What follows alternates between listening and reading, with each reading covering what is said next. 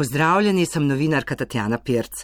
Nekaj mesecev sem se srečevala z Adrikami in Adrici, ki so mi pripovedovali o svoji Adriji, kako je vzletela, letela in trdo pristala. Adrija nam je dala krila. Adrike in Adrici pripovedujejo zgodbe o našem nacionalnem letalskem prevozniku, ki je v 58 letih previharil številne viharje. Spoštovani potniki, prosimo vas, da se zaradi turbulence vrnete na svoje sedeže in si pripnete varnostne pasove. Hvala. Konec septembra 2019 pa je izčrpana Adria Airways zavedno ostala na tleh.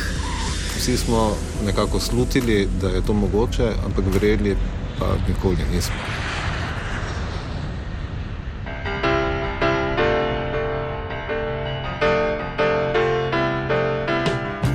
Spominjamo se Adrije in z optimizmom zremo v prihodnost. Le tako gre lahko življenje naprej, da primemo bika za roge, če je treba, in ugriznemo tudi v kakšno kislo jabolko, pripovedujeta Ana in Jrnej Levičar.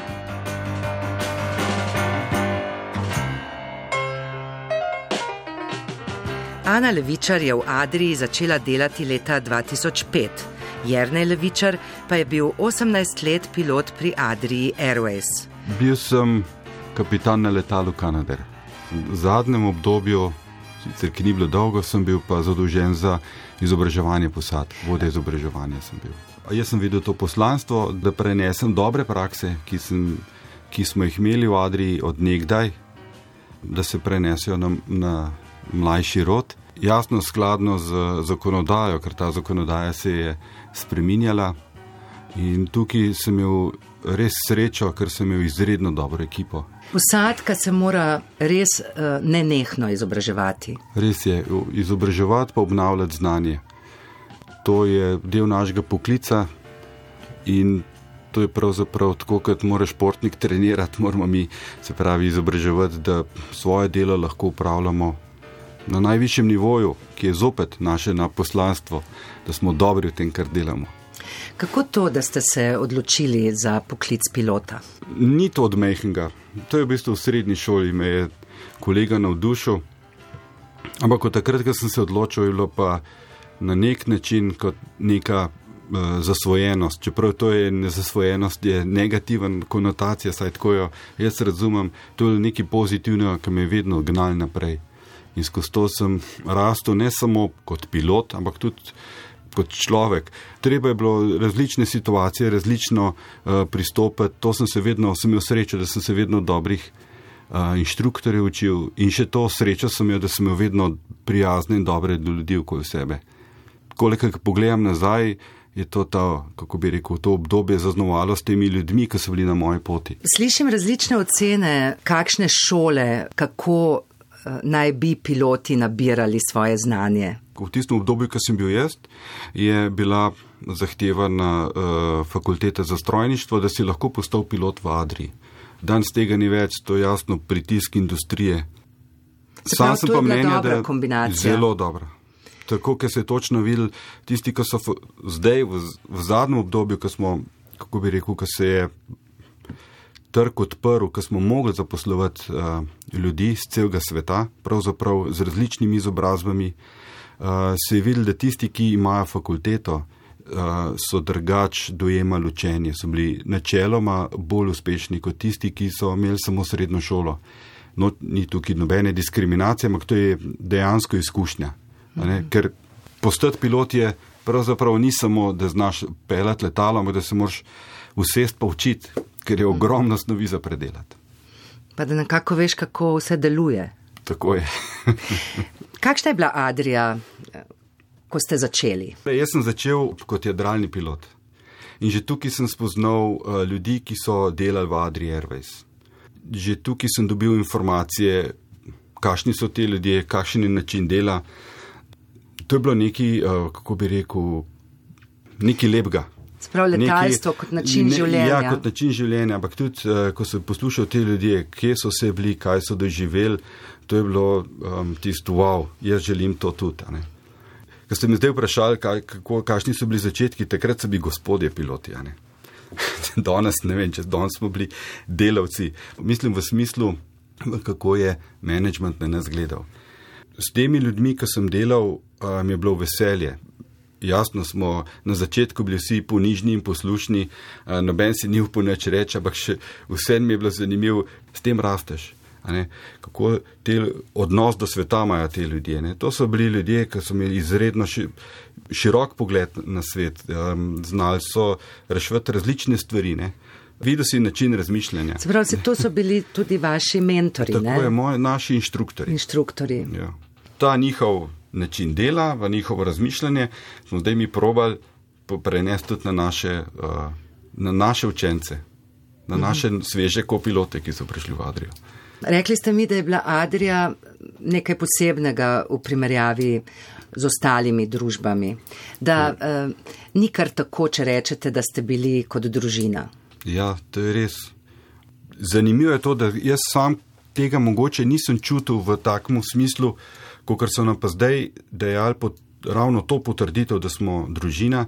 Te tuji a, piloti, ki so bili pri nas, so rekli, da je to neverjetno, kako lahko um, na čist drugem koncu sveta, naprimer, mi smo kolega iz Hongkonga, uh, je rekel, kako je možno, da imate vi tako uh, prijetno vzdušje tukaj, kjer delate. In res, mi vedno, uh, ko smo leteli, posadka se je vedno dobro imela. Vedno smo strmeli temu, da se imamo dobro, ampak jasno, aksijom za nas je bil, da je delo kvalitetno upravljeno. Ne, smo imeli dva standarda. Prvič je ta, da se imamo dobro, drugič je ta, da naredimo vse tako, kot je treba.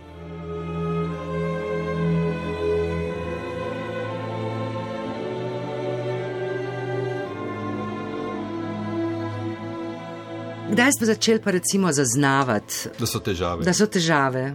Takrat, ko je prišel nov lastnik, pravzaprav.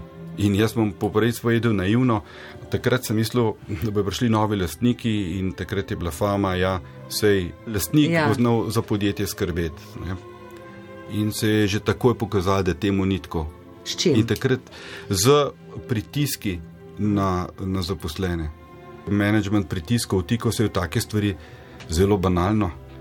So rekli, se piloti pa ne znate pristajati, ne? to morate drugače pristati. Rekli so ste vrdesam, vi se pa morate bolj smejati.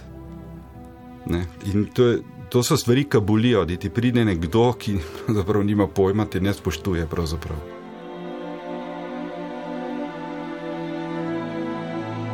bi zdaj ravnali drugače?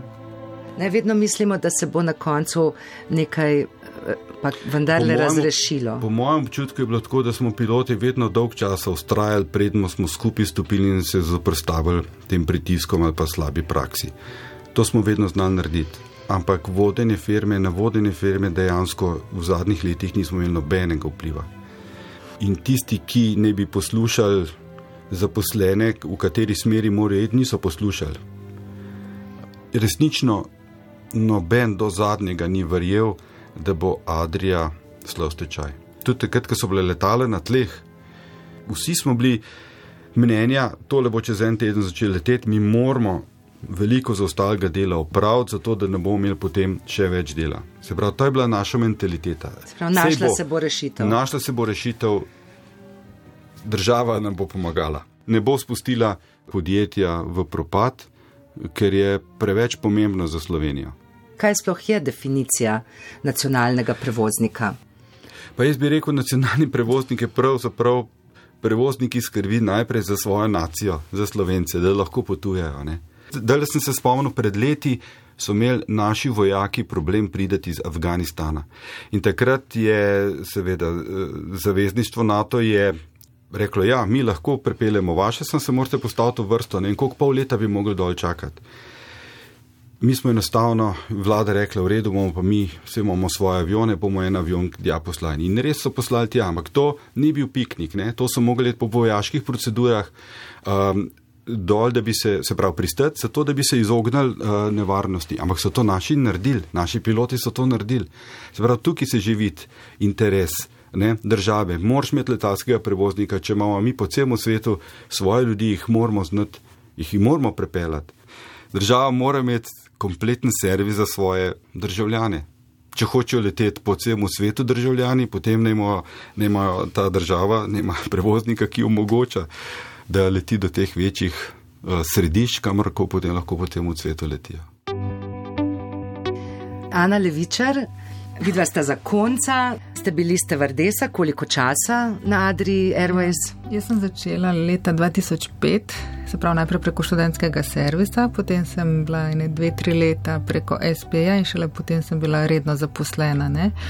Najprej sem bila samo članica kabinskega osebja, potem sem pa leta 2018 postala pa vodja kabinskega osebja, se pravi sem bila prva med uh, stevardesami na letalu. Ne. Pri teh zadnjih generacijah, kako je izgledalo usposabljanje, kako je nekdo postal stevard ali stevardesa uh, na Adri Airways. Pa če je bil razgovor, ne, potem smo imeli uh, pisanje testa iz angleščine, ne, uh, potem smo imeli pa. Um, Če se prav spomnim, se je začel ta ground training, se pravi trening na tleh, predavanja, priprave, predstavitev samega dela, procedur, kaj vse se v bistvu moramo naučiti. Potem pa smo imeli izpite, pisne in ustne in ko si to uspešno končal, si lahko šele začel z treningom na letalu. Spravi, to usposabljanje je vsega skupaj trajalo koliko časa? Pa kar ene pol leta. Ste se res morali veliko smejati, tudi takrat, ko vam ni bilo do smeha? To pa izkušnje naredijo, ja. da se navadiš uh, tudi se nasmejati. V bistvu smo se naučili, da s prijaznostjo veliko več lahko pridobiš od potnika.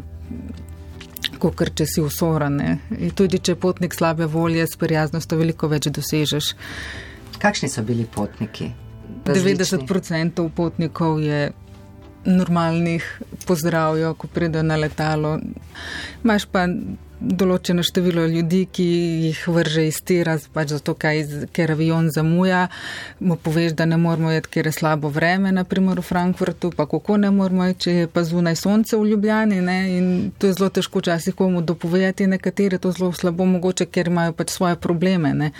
Zamuja na sestanek ali na pogreb ali karkoli ne in potem so slabe volje. In... Ste v teh letih ugotovili, kaj potnike najbolj nekako prizemlji, potolaži, umiri? Prijazna beseda. Ja, še... prijazna beseda. Uh, potem, če se kakršna koli nesreča v svetu naredila, so bili tisti teden dni Aha. potniki zelo pridni, zelo so upoštevali uh, navodila, zelo so gledali demonstracijo. A ste vrde so moti? Če potniki ne gledamo, ko nam pripoveduje, kaj moramo narediti na začetku poleta. Je v bistvu kažemo zaradi samih potnikov. Jaz sama znam vse to na pamet in to ja. dobro. Potniki pa v bistvu to v svojo škodo delajo, če ne opazujejo. Ne? Ker to je sam majhna priprava v primeru, če bi bila res huda težava. Takrat verjetno vse pozabili. Ja, tako in bi mogoče to je samo tisti delček sekunde, ki bi se pa mogoče mhm. spomnili potem. Se pravi, da ponovitev nam tukaj lahko ja, pride prav. Tako. Ne v tem smislu, to smo že večkrat videli. Ja, potniki več. imajo tako odnos, smo že večkrat videli, se znamo že na pamet, se ja. že stokrat smo leteli, ne, ampak vse je to v bistvu samo podzavestno, da se malo spomniš, da obnoviš ne, tudi za potnike. Kako ste pa vi doživljali te zadnje mesece? Dejansko je bilo ne, eh, med potniki veliko živčnosti, ja, ne, tudi za, zaradi združevanja. Tudi za posadko je bilo zelo, zelo, zelo naporno, ker je bilo te, te združeni leti so bili zelo naporni za nas, ker je bilo slabe volje veliko. Uh, Prej so se letališča navadili, da imamo združene lete, kam grejo, kjeri kovčki, kera prtljaga in tako in velikrat je prišlo do napake, ker so potniki, ki, ne, ki bi mogli z nam naprej leteti, šli dol, potem smo mogli čakati tiste potnike, iskati po letališču, ker so šli na napačnem dol in tako je bilo veliko velik problemov in tak, ti združeni leti, v bistvu smo jih najbolj ne radi leteli. Gospod Levičar, kaj je za uh, pilota pomenilo? Uh, Združeni Zdru, leti. Kaj so pomenili združeni leti? Kakšne težave? Problemi. Tukaj je že Ana rekla, zamuda, komplikacije. Ampak iz stališča letenja je bilo pa to nekaj super. Ne? To je tako kot kubilca, ki skače iz enega letališča na drugega.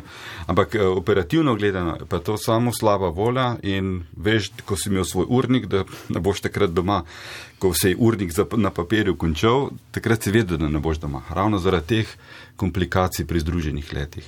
Kdaj ste se začeli, recimo, glasneje pogovarjati, da tole zadrijo pa ne bo v redu. A ste se meseca sploh- septembra. Vse smo vedeli, ve- ker odkar sem jaz v Adrijo prišla, je bila Adrija vedno v težavah, vedno, a bo, a ne bo, pa kaj bo, pa kdo bo. Zmer se smo se o tem pogovarjali, ampak dejansko, da je pa res nekaj narobilo, pa rečemo druga polovica septembra, da smo pa videli, da to je pa zdaj res verjetno konec. Ampak še vedno smo upali. Ja, upanje pa umre zadnje. ja, In tako. tudi po koncu, se pravi, ko se je razglasil stečaj, smo mislili, da bo res, da bo v parih dneh, da bo nova firma, da bo nova družba nastala s pomočjo države. Kdaj ste se odločili, da začnete gledati drugam? Jaz bi rekel, kar mogoče pa malo pozen. Pa če sem še obveznosti v pisarni. Nekateri moji kolegi pa že takoj, ko je bila prva prizemljitev letal, jaz pa pol kasneje, recimo 14 dni. Da govorim za, za pilote, smo imeli kar malo Ja. nesreče, namreč eh, v tistem obdobju je kar nekaj firm uh, šlo v stečaj in je bilo veliko pilotov uh, Na na, na trgu. voljo na trgu. Pri nas konkretno je bilo še tako, da večina pilotov v Adriji ima eh, dovoljenje za letenje z letalom Canadair, ki mogoče v Evropi ni več tako popularno, kot je bilo pred enim letom, naprimer, ali pa pred dvemi leti sploh. Se pravi, bila mogoče manjša težava. In ker je bilo veliko pilotov na trgu, so bili tudi pol pogoji za delo v tujini slabši. In se je bilo pravzaprav kar težko odločiti. In vedno je tehtaš med uh, finančnim vplivom in časom, ki ga preživiš s, z družino. Prijeti moram bika za roge in id. Ana, vi ostajate pa doma. Seveda, moramo, imamo dva otroka doma in šola obvezna sta in moramo tukaj ostati. Upamo na slu, novo službo. Je težko, ampak mislim, da mi da ne jemljemo to kot neko veliko katastrofo. Se bomo prilagajali pač situaciji, ki nam je dana, ugriznili bomo kiso jabolko in to je to. Rekli ste, da ste do konca upali, ne? Ja, jaz bom kar povedala, jaz sem ja. imela srečo, oziroma da sem letela eden od zadnjih letov v Adri Airways. Eh, Pristali smo zvečer. eh, Iz Ciriha smo pristali, kot posadka smo prišli pred izpeč, mi tam kolegica pristopila do mene in mi prišepnila in rekla, a na konec je.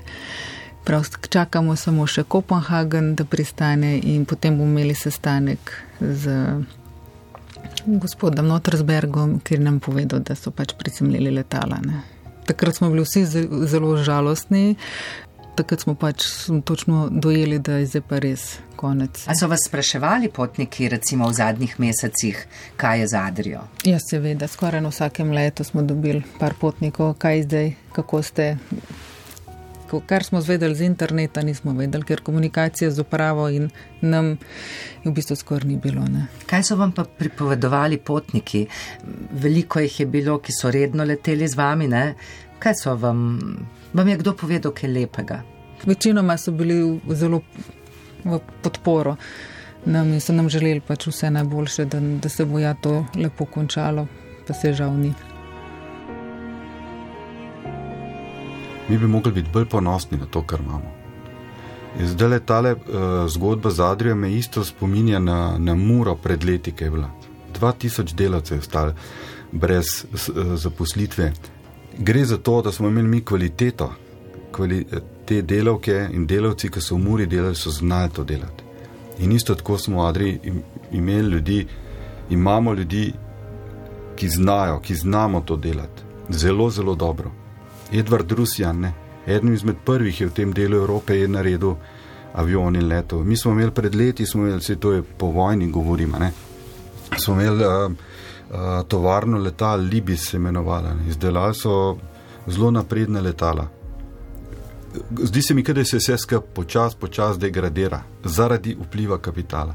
Mariborsko letališče, kakšna, mislim, škoda, da ga mi ne znamo vklopiti v naš promet. Res je škoda. Pa je lepo letališče, um, portoroško letališče. Um, pred leti je bil tak podatek, da imamo mi, slovenci, največ število pilotov na prebivalce. To je zanimiv podatek. Ne? Se pravi, radi letimo, govorimo o tem potencialu, ki je tukaj. In zdaj, kar naenkrat se, ta, se je ta prekinil. Ta, vsa ta, to znanje to tradicijo, ta pozitiven pristop k delu, k kvalitetno upravljanju dela, je kar naenkrat, se mi zdi, da je to, kot da bi nekaj odrezal. Bog ve, kdaj se bo lahko to zopet vzpostavilo, pa še več, na kakšen način se bo vzpostavilo. Mi imamo program na fakulteti za strojništvo, ki počasi zamera. In pa je izredna škoda je to. Kaj pa za pilota pomeni, o čem razmišljate, ko se od Adrija zdaj definitivno verjetno ne eh, poslavljate? Če pogledam samo kariero, je to velik izziv in pravzaprav sem si vedno želel iti v, v tujino, še kaj drugega probat leteti, kot uh, samo tukaj biti v Sloveniji. Čeprav tako letenje, ki smo ga mi zdaj upravljali, je bilo za moj okus izredno, izredno lepo letenje. Leti niso bili preveč dolgi. Leteli smo po Balkanu in po Evropi. In, a veste, ko letiš po Balkanu, vidiš, kako je to pravzaprav lepo. Jaz sem užival v pokrajini. Res dobesedno užival sem. In uh, zdaj v smislu karijere, ker zdaj Adrije ni, pomeni to nov izziv, nove kraje spoznati uh, in tudi nov tip letala. In se temu veselim. Res, to je tako, kot veste, vsakmu pilotu je še vedno otrok. Zdaj, zdaj imamo možnost iti na drug tip letala. A kateri tip večji, letala vas čaka? Uh, Airbus 320. In to so mi dal novo igračo. In zdaj s to igračo se prav veselim, da bom lahko letel. Hkrati pa, jasno, sem tukaj doma, sem slovenc, izredno rad na to pokrajino, uh, pogled na naše Alpe, um, življenje tukaj, ne, imam družino tukaj in to, to je pa tisto, ki mu bo vedno vleklo nazaj. In ne glede, če, če se je ta uh, firma zdaj, če je Adrija se končala, uh, pa če bom najdel v tujini možnost, mislim, da bom vedno gledal nazaj, kdaj, kdaj se lahko vrnem v to okolje nazaj, da tukaj lepo ponovno iz Brnika začnem leteti.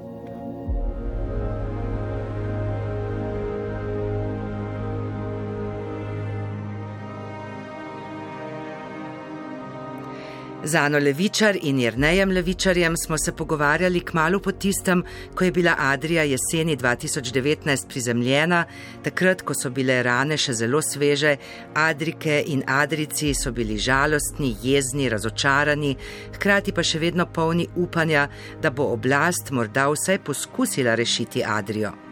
Ko sva se pred kratkim srečala z Irnejem Levičarjem, je povedal, kaj se je dogajalo v teh burnih zadnjih mesecih po propadu Adrije v novi službi in v času pandemije, ki je zelo prizadela letalstvo in letalce. Dobro ste rekli, upanje je bilo ogromno in se je bilo zelo težko odločiti, da se gre k tujemu eh, delodajalcu. No, ampak potem, eh, ko je čas tekel, smo pravzaprav vsi videli, da z novo, staro Adrijo ne bo, ne bo nobene zgodbe. In potem uh, smo se vsi počasi začeli fokusirati na uh, nove službe. Kot že veste, jaz sem šel v Laudo, sedežem na Dunaju in uh, zanimivi preobrati so bili tam imel sem pogodbo za Palma de Malorko, potem so, mi, potem so nam uh, bivšim madridskim pilotom ponudili bazo Zadar, vsi smo bili veseli, ker to je blizu, poznamo Zadar, krasno mesto ob morju. Da smo že razmišljali, kako bomo čovne dol prevlekali, kako se bomo zabavali. Potem se je začel ta trening, eh, prešolanje na nov tip letala, na Airbus ki je potekal uh, za vse nas adrijske pilote brez problemov, inštruktori so bili z nami zadovoljni, se pravi, to priča eni naši kvaliteti oziroma kvalitetnem šolanju, ki so ga mogli imeti v Adriji in dobri usposobljenosti. Ravno ko smo začeli eh, z letenjem na liniji, je pa prišla ta bolezen COVID-19, potem se je vse ustavilo. Nažalost je prišlo tudi do prvih odpovedi. Kot sem rekel, srečo smo imeli tisti fanti, ki smo že bili na, eh, ki smo že leteli na liniji, za ostale mi je žal, pač dobili so uh, odpoved. Takrat smo videli, da pravzaprav je vrak vzel šalo, ne? ta negotovost je morda še zdaj prisotna, točno ne vemo v tem trenutku, kaj in kako, vendar je pozitivno, da smo še vedno na plačilni listi, da ne pri Laudi. Od približno 30 pilotov nas je dobrih 10 ustal. a, bivših adrijskih pilotov, ki smo zdaj v Laudi. Lauda je Hčerinska družba Ryanair. družba. Bila je zraku, uh, za, bila je v zraku zaprtje baze na Dunaju, dosegli so dogovor, da se to ne naredi, tako da zdaj to je ena pozitivna stvar. Vsi čakamo Dunaj, in spet upamo. Ja, tako. Ja. Kako pa so neke druge stvari, recimo, dozorevale ali pa se ohlajale ali pa izvenele v vas? Na nek način je postal to, eh, ta pogled nazaj kar mal moteč in se je bilo treba fokusirati na naprej. Ne moramo na preteklosti živeti. Ne. Ravno to šolanje je pomagalo, da ker moraš biti stoprocenten pri tem, ne, da pozabiš te reku, spomine. Jasno, vsakič, ko smo se pa domov z Dunaja vračali, je bilo pa, o Madonna, kako je bilo fajn, če bi bili doma. In tudi zdaj, ko se vozimo na Gorensko, ne se vozim in letališče Brnik, nikoli več ne zavijem dol. ne. Še vedno ja, boli. Je, je tak. Um, Um, nostalgičen, uh, žalosten spomin, bi rekel.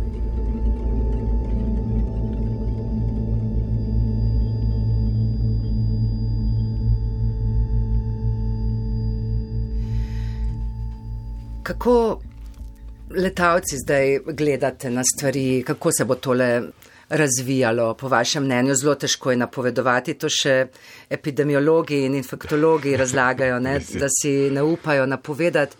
Ampak eh, nekatere napovedi za letalsko panogo. So, so kar hude. No? Uh, mislim, res imate smolo. Ne? Najprej Res. se je z Adrijo to zgodilo, potem še pandemija. Tudi mi, piloti in uh, kolegice stevardese ne, in stevardi, pravzaprav se sprašujemo, kako je do, do tega prišlo, tak poklic s tako dodano vrednostjo, s tok šolanja, tok uh, enega odrekanja in posvečanje temu delu, da kar naenkrat uh, skoraj ni nič vredno. Obstanete. Vsi upamo, da se, da se te omejitve zaradi COVID-19 da se prekinejo, da lahko začnemo normalno počasi- delati, da spočasi. počasi ne. se zdaj, ne? Predvsem pa vsi upamo, da bi nek, nekoč v Sloveniji zopet nastal letalski prevoznik, ki bi nas lahko zaposlil. Ta ideja je nekako ponovno ne, vzniknila na nekih drugih temeljih. Kaj mislite o tem? Med poznavalci, med tistimi, ki mislijo, da so poznavalci, slišimo marsikaj. Kakšno je vaše mnenje? Moje, mnenje je seveda, da Slovenija potrebuje letalskega prevoznika. Um, zdaj se je točno med to krizo se je pokazalo, kako nujno je, so te prevozi, kako nujno je uh, prisotnost letala, slovenskega letala uh, za slovenske potrebe. Se pravi, servis državljanom, jasno, začeti z manjšo floto in potem nadaljevati, kot se trg odziva. In zdaj so res ta pravi pogoji. Ne? Tako vsi uh, ekonomisti in gospodarstveniki pravijo, da je v vsaki krizi nekaj priložnosti in zdaj je res prava priložnost. Ampak ni zelo pomembno, na kakšnih temeljih bi se to gradilo? Podpiram kjerokoli idejo s slovenskimi kadri, ker jih imamo za dost, ogromno je znanja. Nikakor pa ne bo šlo vse to, jaz tako mislim, brez pomoči države, ne toliko v finančnem smislu, ampak v smislu povezav, političnih povezav na evropskih tleh in sosednjimi državami, da lahko ona kot garant ali pa kot nekdo, ki utira pot temu prevozniku. Jasno, da more pa to biti na temeljih v tem, da bomo vsi državljani Slovenije imeli kaj od tega. A ne vidimo, koliko pomoči so dobili, naprimer Lufthansa ali Italija. Pravzaprav je to prilika, da naša država nekaj naredi. Ne. Jaz, a veste, pri tej naši državi, če me kdo sliši, bi predlagal, da sem mal bolj tako kot Martin Karpan, a ne, ki je švercev sov na Dunaj. Vsi, vsi požvižgal na predpise, bil je korajžen in to naredil. In isto bi predlagal našim naši vladi, našim politikom, da so korajžni pri teh korakih, da to naredijo, ker mi Da to potrebujemo. kobilico. In gredo. Ja, vse države ščitijo svoje nacionalne prevoznike. Samo če pogledamo naše sosede, kako to delajo, z veliko žlico. In uh, mislim, da je to pravi trenutek za. No, ampak Slovenijo. potrebna je previdnost, ne? veliko je interesov na tem področju. Seveda, imamo znanje, imamo kompetentni ljudi, uh, ki imajo širino. Jaz sem prepričan, da bi to bi bil lahko vse slovenski projekt da si lahko tudi drugi deležniki v gospodarstvu ali pa v transportu vključijo v, v to podjetje. Rekl bi, da je to zadnja priložnost. Potem, ko se zopet po krizi, ko se bo trg odprl, bo verjetno vsak gledal, da pobere drobtinice in verjetno bojo prišli tudi na, govorim verjetno, ne, bojo prišli tudi na, v Slovenijo. Lahko pa se zgodi, če se na ta nas, na, nacionalni prevoznik zdaj vzpostavi, da po krizi izide še močnejši in širitvijo, kar bi imeli vsi od tega nekaj. Potem se ne bi več uh, žalostjo vozili mimo ne, Brniškega direkt, letališča. Potem bi se direktno na Brnik vozil in uh, z veseljem šel avion, odpeljal in potem šel domov. Se pravi, o tem razpravljate. Tako je, ja. Tehtate različne. Razmišljam in vedno pridemo do istega zaključka, uh -huh. ne, da potrebujemo prevoznika in da je to pravi čas. Mislim, da bi Slovenija mogla imeti bolj jasno strategijo glede transporta nasploh. Mislim pa, da bi mogla res imeti nacionalnega prevoznika in ne tujim. Uh, neke približke, ne? Neke približke, tako je. Ja. Upam, da poletimo k malu. Jaz tudi upam, da poletimo. pa ja. da se bo še kdaj srečal, pa da se pogovarjamo o novem prevozniku, kako je, ne ja. kako bo. Da malo obrnemo na optimistično stran. Ne? Ja. ja. Kaj vas je tale izkušnja, tale šola zadnjega leta naučila? Da moramo slovenci bolj sebi zaupati, pa biti ponosni na svoje znanje, pa predvsem nam manjka korajže. Premal smo korajžni, preveč gledamo na to, kaj bojo drugi rekli, mi moramo svojo pot narediti.